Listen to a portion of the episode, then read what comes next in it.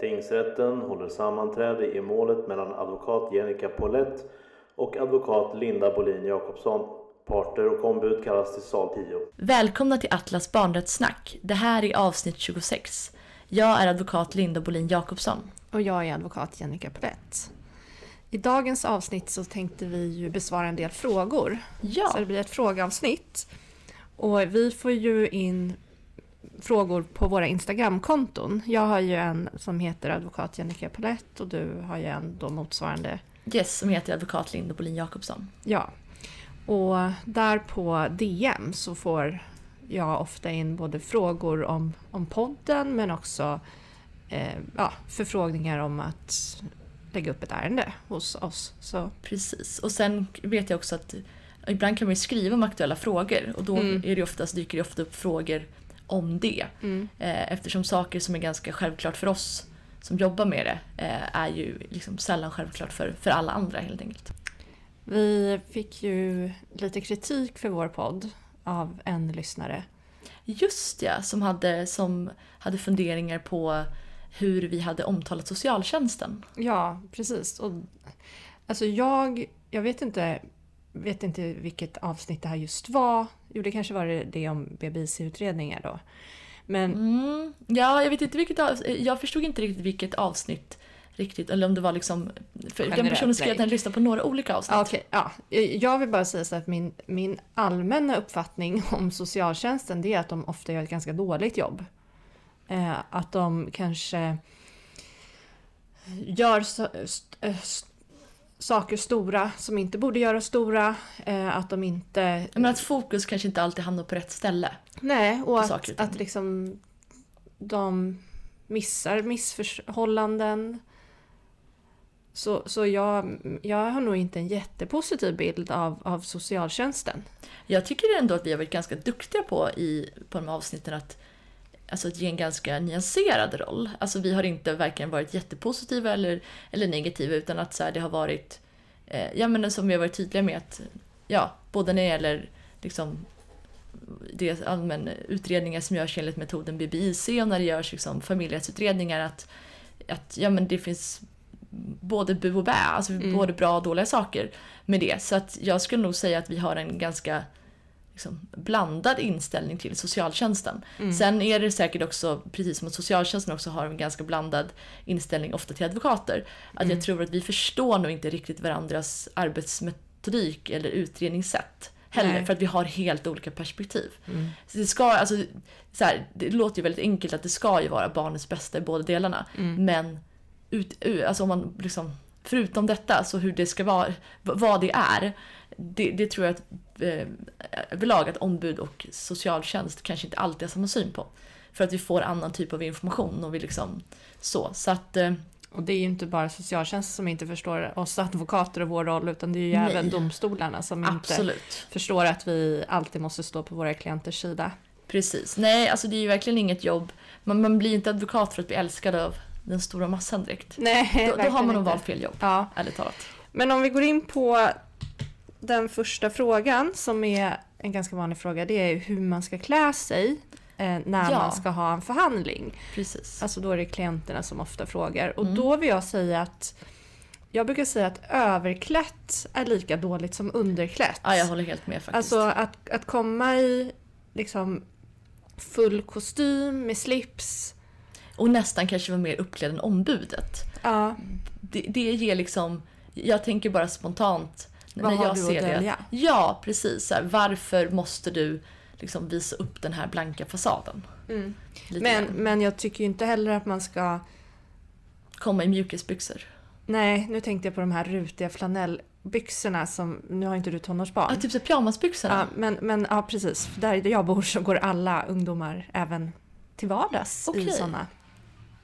Okej, nej, eh, det, i min värld, jag, jag märker ju också, för, för det jag bor i det är ju väldigt mycket barn, så jag märker att folk, jag, jag har faktiskt sett folk gå till skolan i det, men då har jag bara liksom så här tänkt att, ja, nej, jag, jag har typ tänkt att, så här, eller folk ute och går, att du ska nog bara typ någonstans, men okej, men folk går alltså till skolan i det också? Ja, inte i högstadiet och gymnasiet. Nej. Eh, men eh, mellanstadiet, absolut. Men jag vet ju, alltså, men det är ju så här, alltid så konstiga trender. För att jag vet när jag växte upp, eh, på 90-talet, då var det ju väldigt populärt att ha såna här eh, men olika, det var någon sån fas typ efter, efter att Spice Girls hade kommit att alla, jättemånga hade såna här det kallas för pösbyxor. Det var typ Nike eller Adidas byxor någonting. Mm. Adidas byxorna hade så knappar hela vägen. Ja, och, sidan ja. Yes, och Nike byxorna var så prassliga. Typ som, det skulle ju vara någon slags träningsbyxor men jag vet faktiskt inte riktigt vad man, ur, ur träningssynpunkt hur man skulle kunna använda dem. Men det var som någon slags vinterbyxor som var så prassliga. Mm. Så det är väl någon ny trend som har kommit. Pyjamasbyxmodet liksom. Mm. Ja, men eh, tillbaka till frågan. Eh, jag skulle säga att det är nog, alltså viktigaste är att man är hel och ren ja. om man har möjlighet till det. Och någonting som man själv känner sig trygg med. Ja, exakt vad jag tänkte säga. Därför att jag märker ju det själv. Att ibland så sätter man på sig någonting som ja, men, kanske sitter för tight eller lite obekvämt eller ja, någonting som gör att man liksom själv tänker på sin egen klädsel. Mm. Och då, då skulle jag säga att då har man ju klätt sig fel. Alltså ja. klädsel är ju ingenting man ska tänka på. Nej, för jag menar det, det är nog obekvämt att sitta på de här förhandlingarna i domstol. Mm. Rent liksom mentalt. Och då ska man kanske inte behöva tänka på att så, oj oj oj hur ser det här ut liksom. Utan er någonting som ni är bekväma i men som ändå på något sätt är liksom, ja, men liksom representabelt. Mm. Eh, no någonting som ni skulle kunna ha på er när ni ska åka och handla eller när ni ska åka och besöka en vän eller någonting. Alltså någonting som representerar kanske er vardagsklädsel. Kanske inte åka och handla skulle jag inte säga, utan men kanske nej men, gå på en söndagsmiddag. Ja, ja. Jag, är, jag tror ju alltid att jag kan möta vem som helst när jag åker och handlar så jag klär alltid upp mig lite när jag ska åka och handla. Mm. Fast jag har märkt att det gör ingen annan. Så att det, men ja, så kanske, kanske inte när gemene man åker och handlar, nej. nej. Eh, nästa fråga. Om man separerar, mm. om en förälder vill flytta väldigt långt bort, mm. vad är det som gäller? Och det får ju vi så mycket frågor om, alltså när folk ringer in också. Ja, och då är det ju liksom utgångspunkten är ju, eller i de flesta fall så har ju föräldrarna gemensam vårdnad. Mm. Och då kan man inte, om man vill ta med sig barnet, mm. så kan man inte bara flytta. Nej, om inte den andra personen då medger att barnet ändrar sin folkbokföring. Men det är ju väldigt sällan ett fall. Mm. Så får, bor man i Göteborg men kommer från Stockholm och så får man barn med någon i Göteborg. Då är man ganska fast i Göteborg ja. med omnejd. Om det inte är så att man eh, antingen väljer att liksom ge upp, om man kanske har ett växelboende, väljer att ge upp det för någon slags helgumgänge liknande för att flytta tillbaka till Stockholm. Eller om man eh, får ett medgivande att flytta. Men det får man ju väldigt sällan för att ja, de flesta vill ju liksom vara, vara aktiva i sitt barns liv. Ja, och jag skulle säga att det är en ganska vanlig anledning till att en process uppstår. Ja, verkligen. Att, att någon förälder vill, vill flytta. Eh, det har ju nyligen varit tal i media om de här svenska mammorna som är fast i, i USA. Ja, ja, ja, på, på västkusten. Just mm. att de åker dit, vill hitta liksom livet i Hollywood. Och så blir de med barn och sen så ah, kan de aldrig flytta därifrån. Nej. Och, och så är det lite i Sverige också. Alltså det är så här, bor du... Eh, och, och, det finns liksom inga liksom, riktigt så här, inga vägar runt, inga förmildrande omständigheter. För det upplever jag att många frågar sig. Men, men han eller hon var aldrig liksom aktiv under relationen eller, var jättetaskig eller någonting. Ja, fast det spelar ingen roll. För att det man ser är liksom till barnets bästa. Och har ni... Alltså, skulle en domstol komma fram till att båda är lämpliga som boendeföräldrar och ni kanske redan har ett växthusboende eller ett mm. omfattande umgänge i alla fall, då då kommer inte det vara skäl till att man ska få flytta och rycka upp barnet från hela sin trygghet. Oavsett vad som har hänt under relationen eller oavsett hur engagemanget från den andra föräldern ser ut efter separationen. Nej, och också lite det här att en, det är en sak att ha rätt och få rätt. Alltså, man kan ju påstå ganska mycket om den andra föräldern men, ja. men om det liksom inte går att, att bevisa det så så existerar det... typ inte det i Nej, domstolen. precis. Och jag menar, domstolarna de är ju också ganska vana att se eh, dåliga, eller dåliga ska jag inte säga, men, men föräldrar som brister mm. eh, i omvårdnad eller liksom... Ja men där det verkligen är på allvar liksom, Ja men problem. precis. Så att det som man privat kanske tycker att ja men, Kalles pappa i klassen eh, han är liksom otrevlig och hård mot sitt barn och mm. man kan tycka att det liksom är ja, men, tycker att han är en dålig pappa. Men inne i en rättssal så skulle det liksom inte vara tillräckligt. Nej, man skulle se det bara som att man har olika liksom, typ uppfostringssyn.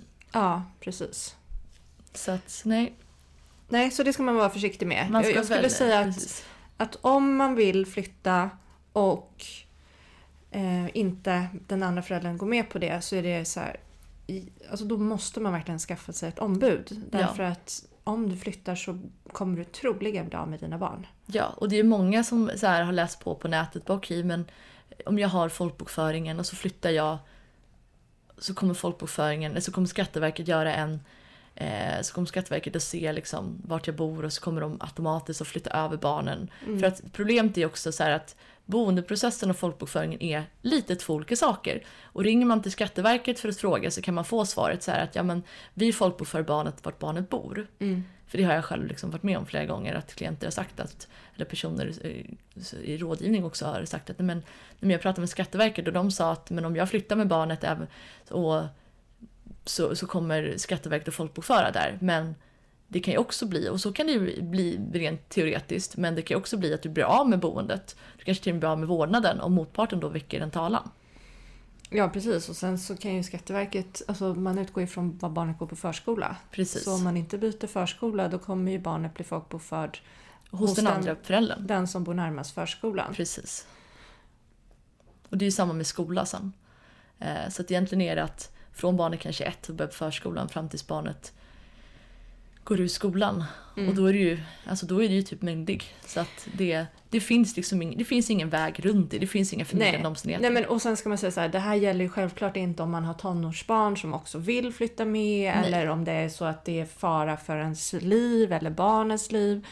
Då måste man ju verkligen ta sitt pick och pack och dra Absolut. fort för att annars kan ju det i sin tur vara en omständighet som man Mm. faktiskt, alltså att barnen blir tvångsomhändertagna för att man inte skyddar barn från, Precis. från eh, våld eller liksom en, en dålig miljö för, för barnen. Men om det inte är liksom akut fara för liv och hälsa, då ska man nog definitivt konsultera ett ombud innan man flyttar. För har man väl flyttat, det är extremt svårt att göra den situationen ogjord. Har man väl flyttat, man kanske blivit av med folkbokföringen, motparten kan kanske till och med stämt den. Då är det liksom väldigt svårt att liksom göra den situationen ogjord. En liten bara inflik Mm. där angående folkbokföring. Jag lyssnade i, i morse på Dagens Juridik. Mm. Och eh, jag, jag har informerat väldigt många genom åren om att man måste vara folkbokförd där man har sin huvudsakliga dygn, Mm, dygnsvila. Och nu är det en person som har blivit dömd Mhm. för då folkbokföringsbrott. Mm. Han flyttade in hos sin flickvän, Mm, bodde där i en månad Okej. och ändrade inte folkbokföringen. Han eh, fick böter på 35 000 kronor. Oh, oj då.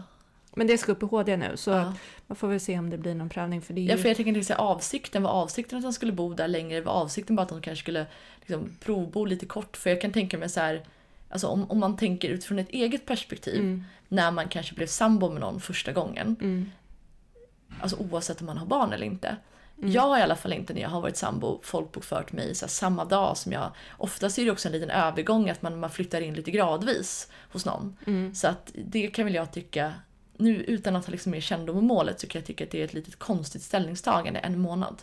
Ja men och tanken med lagstiftningen har ju såklart inte varit en sån här Nej. situation utan det har ju varit att man inte ska kunna folkbokföra sig på ett ställe och få socialbidrag Precis. eller liksom bostadsbidrag eller vad det nu är. Eller, eller många vet jag som eh, folkbokförde sig på ställen när det var tidigare att man inte fick fritt, när, innan det fria skolvalet. Mm. Att folk för, folkbokförde sig på en plats för att då automatiskt hamna, deras barn skulle automatiskt hamna på, en, på typ den rätta skolan. Mm. Eller att man är kvar folkbokförd på en hyresrätt fast man har en bostadsrätt för Precis. att man inte ska bli av med den. Och det är ju Ja. det är ju sådana situationer som lagstiftaren vill Ja. komma åt. Men ja, det var bara en liten parentes. Det måste jag kolla upp för nu lite, ja det där störde mig lite. Mm. Ärligt talat. Eh, en annan fråga som jag har fått många gånger det är om barn ska följa med till domstolen. Ja, du Att tänker det- på, ja, du tänker på Nej, barnen jag, tänk, i jag processen. tänker liksom även eh, i vårdnadstvister Mm. eh, så är det då många som tänker att nej, men det här handlar ju om barnet. Det Ja men precis, att när, barnet när ska vara de få berätta liksom? När Ja. ska de höras? Ja. Och då skulle jag vilja säga att jag har aldrig varit med om att ett barn eh, har hörts av domstolen. Det finns en sån möjlighet. och jag vet att det är någon på byrån som har varit med om det, kanske du, där domaren faktiskt har ringt upp ett tonårsbarn. Nej, det, inte, nej, det har jag Nej. inte gjort. Nej. Det, det, däremot har jag varit med om att där har varit en familj och där ett barn som var, det var barn i olika åldrar. Mm, Och att ett barn som var över 18 mm, och då inte omfattades av tvisten men hade liksom bå- båda parterna som förälder. mm. Eh, att den personen vittnade. Ja men det har jag varit med om vid några Och det tillfällen. tycker jag är väldigt otäckt. Det är jätteobehagligt. Ja, det är liksom Det- så här... Man får verkligen tänka sig för innan man ställer frågor. För Ja, man vill inte liksom skapa någon nej. framtida familjekonflikt. Nej, och sen är det så här, visst att du är 18, men hur, trauma, alltså hur traumatiskt är det inte att bli liksom utfrågad i domstol och det är dina föräldrar liksom? Jag kan säga att jag har aldrig kallat ett barn själv. Utan Nej. det är alltid har varit liksom motparten Mm. som har då kallat de här... Eh, Jag har Myndiga. faktiskt kallat ett äldre barn en gång. ja. När familjerätten vägrade att höra det barnet inom ramen för vårdnadsutredningen. För att det Mm. barnet bodde inte hemma längre. Nej. Och det var liksom... Eh, det var väldigt stor vikt att vi gjorde det. Mm. Och vi fick ut det vi behövde och det hade betydelse för... Alltså, s- Men det kändes ändå inte bra. Eh, och jag pratade med det barnet, nu var den väl 19 eller 20, men jag pratade med den personen flera, flera gånger för jag ville verkligen liksom så här... Och också liksom... Ja men, vi, vi övade nästan förhör för jag ville Mm. att den här personen skulle förstå hur extremt pressande det skulle vara. Mm. Eh, sen förstår jag att den personen ville hjälpa sitt syskon, verkligen. Mm. Eh, men eh, det... Alltså jag hade, jag, jag, även om det liksom här hade ett, det, det tjänade ett syfte Mm. eh, som inte hade kunnat gå att lösa på något annat sätt så har jag fortfarande väldigt ambivalenta känslor för det. Jag hade ju nyligen en, en vårdnadsutredning där, där familjerätten valde att inte prata med halvsyskonen. Okej, fast de bodde tillsammans. De bodde tillsammans. De var ju i och för sig då inte, liksom, omfattades inte av tvisten. Nej. Men jag kontaktade dem och sa liksom att jag anser att ni ska prata Mm, även med mm. de här barnen. För det handlar ju om barnets, alltså barns ex boendemiljö Ja, de lever ju tillsammans. Liksom. För att min klient var ju också ensamstående. Medan Ah. däremot motparten hade ju en sambo. Och sambon fick ju komma till tals. Och det kan man tycka kan vara lite konstigt. Ja, för då kände jag att det blev väldigt liksom ojämlikt. Mm. Men också så här... Och då skrev de till och med i utredningen att jag hade ringt dem.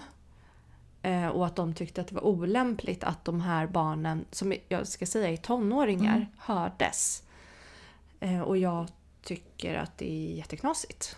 Ja, alltså ibland kan det verkligen ha ganska stor betydelse.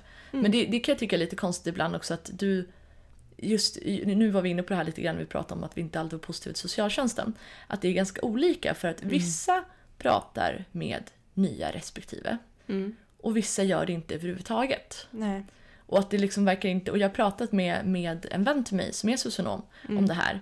Just för att liksom här, få, få liksom koll lite grann. Och där finns det inte, det, det, är liksom så, det är så abstrakt utredningsmetodiken den del. För det går liksom under så här andra personer som, har, som kan typ ha haft värdefulla kontakter med barnet.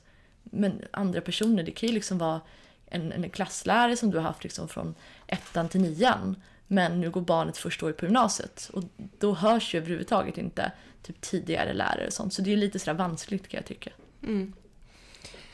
Eh, en fråga vi fick på Instagram var hur man ska förhålla sig till motpartsombudet. Mm. Och det känner jag igen. Det är många klienter som frågar vad kommer motpartsombudet ställa för frågor till Mm. mig? Vad ska jag göra om jag tycker att personen är otrevlig? Vad ska jag göra om jag tycker att personen ställer en, en orelevant fråga?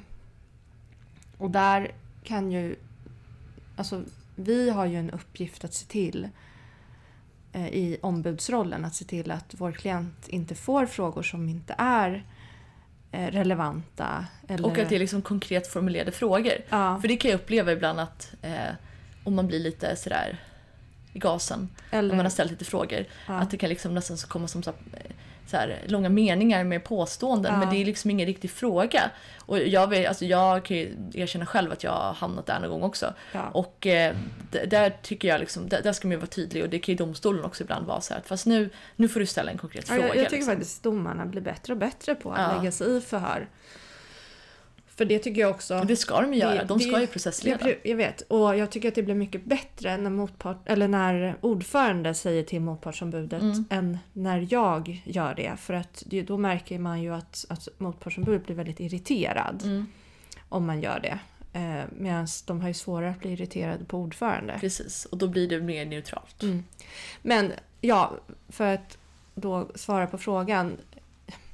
Jag tror att man, man måste tänka sig att motpartsombudet företräder motparten. Precis. Motpartsombudet har liksom inget eget intresse Nej, i den det är här liksom inte tvisten. personligt på något sätt. Nej, utan den bara tillvaratar motsatt intresse Mm. helt enkelt. Och, så att man ska inte ta det personligt. Nej. Och man ska inte bli irriterad. Utan, och jag brukar också så här försöka förbereda mina klienter att vara, liksom ställa lite hårda frågor eh, som jag tänker att motpartsombudet kanske kommer att ställa. Eller som Ja. jag hade ställt om jag hade suttit liksom på andra sidan rättssalen. Absolut. Sen kan ju det ombudet tänka helt annorlunda än vad jag gör. Men sen kan man också, det är ofta skillnad också på obekväma frågor och irrelevanta frågor. För många frågor som, de, som klienten kan tycka är obekväma som de Mm. får från, eh, från motparten och så bara men varför är det, gud vad taskig ni var som ställer det där. Varför gjorde ni så här?" Mm. Det är ju väldigt relevant för att den ska kunna tillvarata sin klients intressen. Ja. Så det är liksom inte personligt eller smutskastning eller liksom så här, utan det är ju, men har du till exempel missbrukat så är det viktigt att du ställer mycket frågor kring det. Och hur länge man har varit ren och liksom vad man har, just för att få fram, finns det liksom en insikt? För vi har ju liksom en utredningsskyldighet, blir det lite grann mot våra klienter. Mm. Att liksom reda ut och visa liksom för domstolen och så vidare. Så att jag tänker att där, alltså, jag brukar säga så här till mina klienter att om du liksom om du lyssnar ordentligt på, på frågan, försöker liksom se vad är det liksom som efterfrågas och så svarar du på frågan Mm. och så lämnar du över liksom till mig att liksom i så fall göra en bedömning om den är relevant eller, eller inte. För att jag kan uppleva ibland att klienter eh, som Ställer motfrågor. ställer motfrågor, har tittat lite för mycket på amerikanska filmer och serier och liksom såhär, nej men jag har ingen kommentar.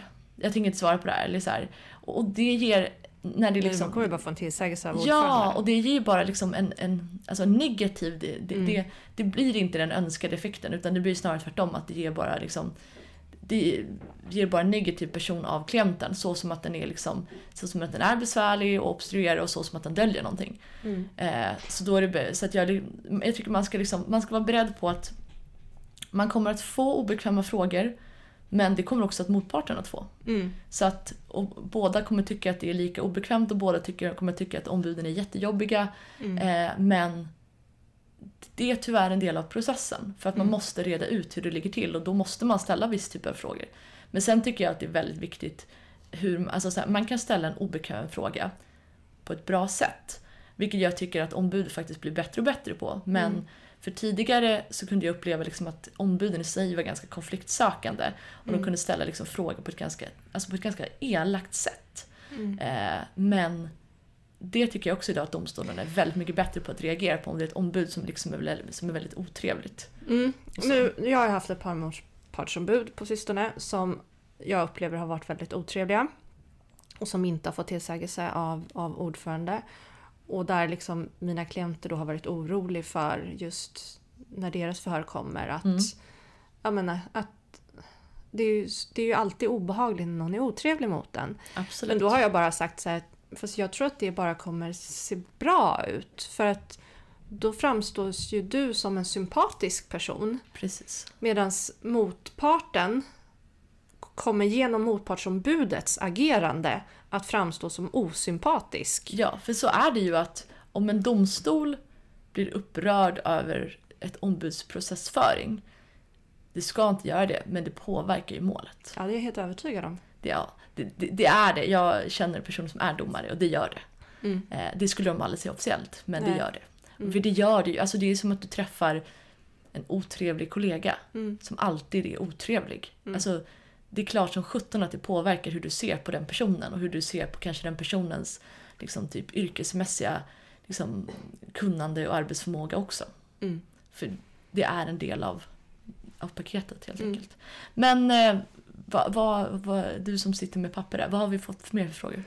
Sen var det någon som frågade om det var jäv att alltså, som advokat företräda någon som man känner. Ja, ja, ja. Och ja. det är ju ett det är ett känsligt ämne alltså. Ja, men och jag vill, jag vill också påstå att, att många inte förstår vad jäv är. Alltså Mm. jäv är ju om jag sitter på två stolar samtidigt. Precis, du kan inte företräda båda parterna samtidigt. Nej precis, och jag kan inte heller ha ett eget intresse Nej, i, i hur saken blir avgjord. Till exempel att men, om det blir på ett visst sätt då kommer jag tjäna pengar. precis. Eh, det är ju liksom, det är ju jäv. Ja, Eller att jag har företrätt ett barn tidigare. Då kan jag inte sen i ett annat motsatt intresse företräda någon av föräldrarna. nej precis. Men det är inte jäv att jag skulle företräda min allra bästa vän eller min mamma. Däremot så skulle jag ju säga att det är oetiskt för att jag skulle inte anse att jag var oberoende. Jag, Nej. jag kan ju inte ha ett beroendeförhållande till min klient. Då kommer inte jag göra ett bra jobb. Ja, då blir det ju automatiskt en intressekonflikt. Ja, För då, då är du ju någonstans intresserad av, alltså du har något mentalt intresse av utgången i målet ändå. ja, men det är inte jävigt. Nej, utan nej det är mer bara- en intressekonflikt. Alltså, Alltså, det, du kan inte vara, stå oberoende, Nej. vilket vi måste göra. ja. Eh, sen var det en som frågade vad man ska tänka på i förhör. Vittnesförhör och partsförhör. Mm. Ja, när det gäller vittnesförhör då talar man ju alltid under straffansvar. Mm. När det gäller partsförhör så talas man, talar man ju oftast inte under straffansvar. Men man ska ju hellre av förklarliga skäl inte stå och ljuga i rätten. Nej, Eh, för det, det, det, det kommer alltid fram på något sätt. Och det är ju precis som vi pratade om det här med liksom hur man beter sig om man liksom beter sig alltså dåligt under ett partsförhör och vägrar svara på frågor, eller motförhör och vägrar svara på frågor från motpartsombudet och så. Att framkommer det på något sätt att du har ljugit så påverkar det hela din trovärdighet eh, i, i hela målet. Och även om du då liksom till 90, 90% har varit ärlig så blir det ju att alla börjar ifrågasätta de här 90 procenten också. Och samma om man liksom överdriver eller liksom, eh, ja men eller att man liksom bara kör på eller inte svarar liksom konkret och sådär. Det, det är väldigt viktigt liksom att man, ja men att man helt enkelt är ärlig och kan hålla på sina känslor och nerver.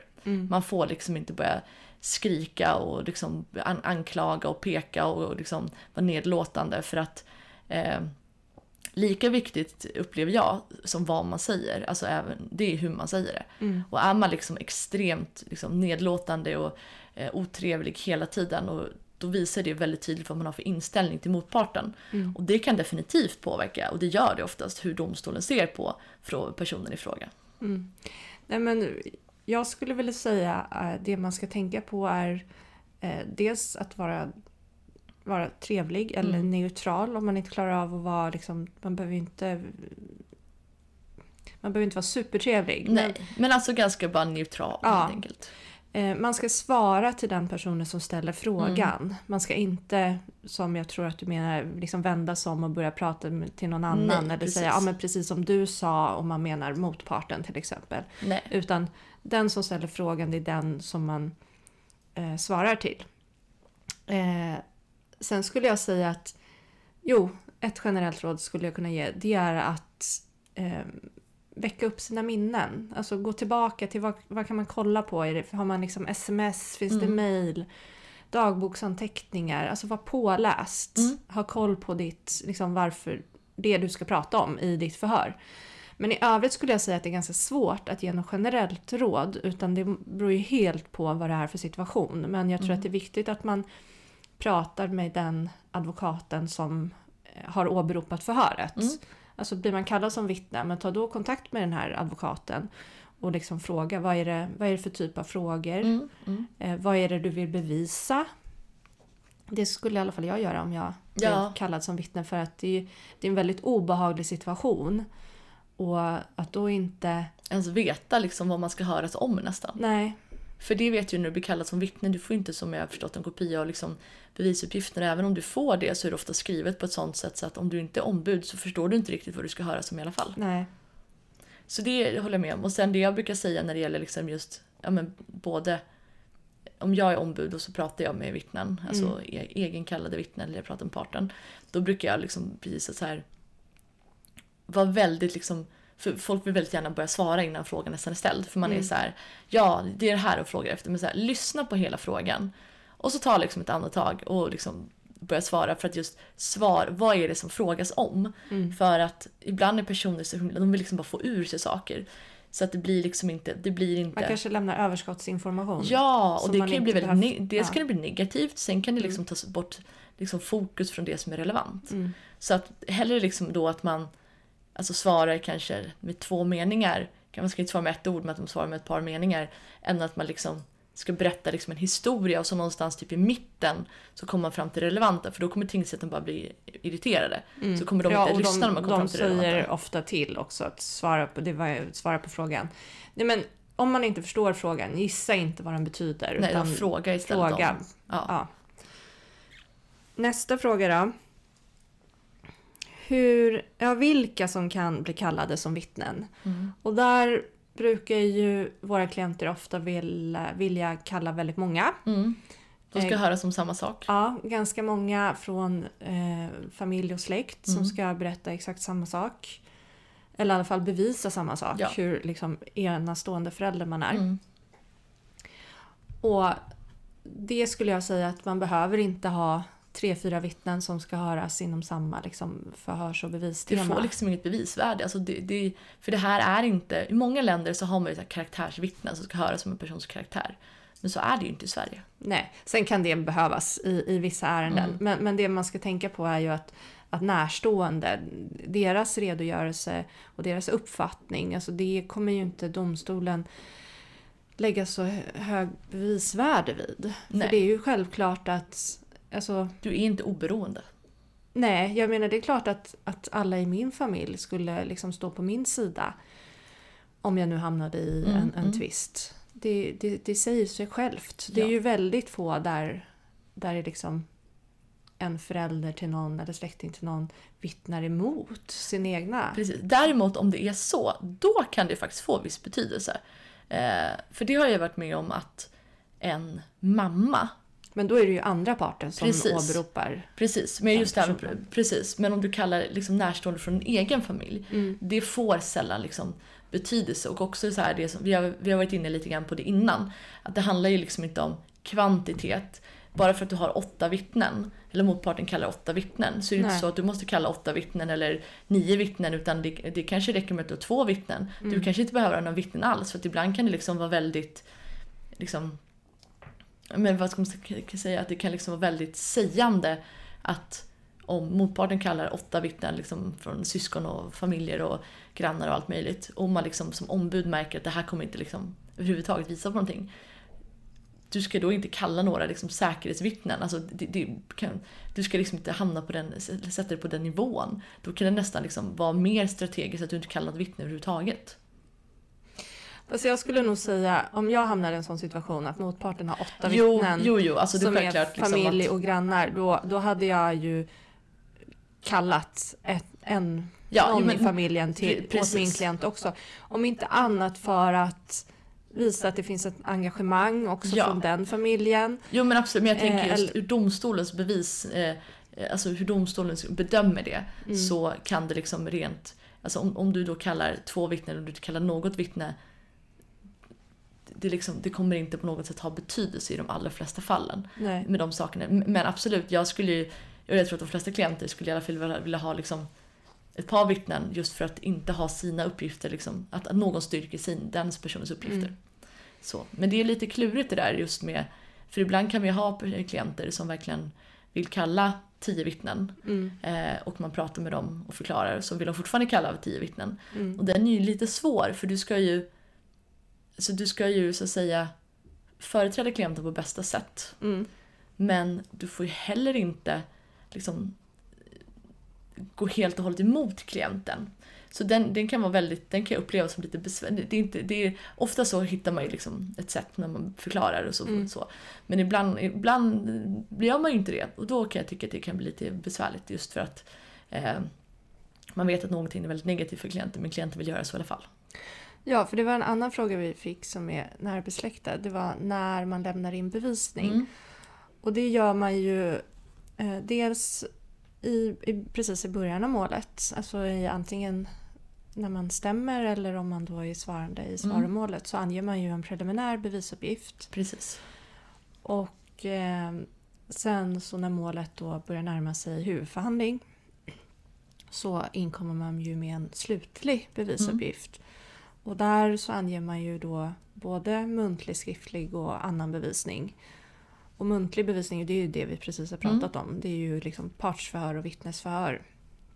Och sen så skriftlig bevisning, ja det kan ju vara allt från bevisutredningar till polisanmälningar till nedlagda förundersökningar, alltså beslut om det. Mm. Eller sms, mail och annan bevisning kan ju vara video eller. Ljudinspelningar Ja. eller... Ja.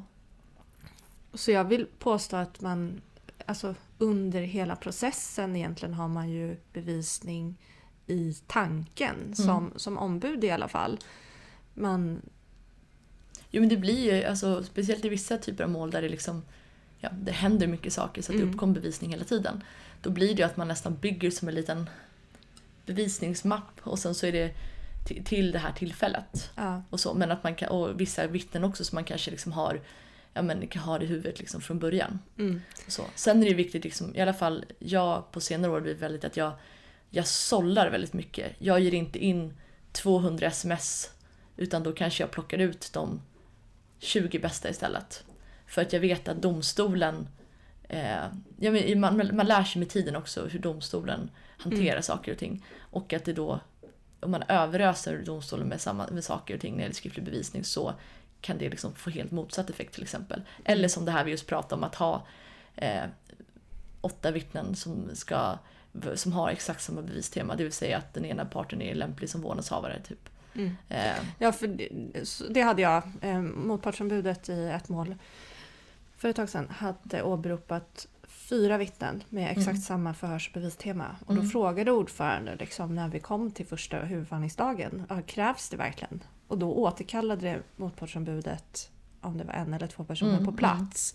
Och det tycker jag nästan lite så här skämskudde. Att Ja. det skulle man ha tänkt igenom Oh, ja. innan. Ja, och pratat med klienter. För men är Ja. det så lätt då att bara återkalla på plats, då kunde man lika gärna ha gjort det en vecka innan eller vad som helst. När man liksom Ja, kan någon precis. sista genomgång. Nej men för det blir ju också så här. Eh, vi, domstolen har gjort en huvudförhandlingsplan Mm. som alla har fått ut där det liksom är vittnen är kallade. Och liksom, alltså här lång tid ska Ja, sakframställan men ta, så här lång tid partsförhören och så här lång vitt- vittnesförhören. Och, och om man då börjar återkalla folk då blir det liksom luckor. Ja. Så då hade man ju inte behövt ha så långa dagar. Nej. Eh, Så det blir ju liksom tokigt åt många håll. Men en, en annan sak som jag tänkte säga just i den här preliminära bevisuppgiften som man anger inledningsvis. Till exempel om det pågår en förundersökning. Mm.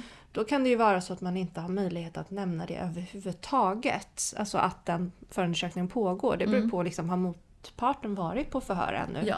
Känner han eller hon till de här anklagelserna?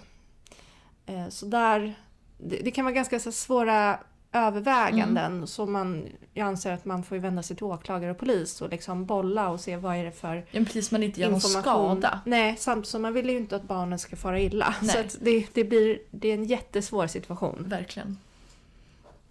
Jo men det är många överväganden över- överlag man får göra. Och samma, någonting som blir vanligare och vanligare, det är ju att man att många föräldrar de filmar eller spelar in sina barn. Mm. Och även där får man ju göra mycket överväganden. Är det lämpligt att ge in? Mm. Alltså barnets integritet. Mm. Eh, kommer det liksom tillföra någonting? Mm. Eh, så det är många...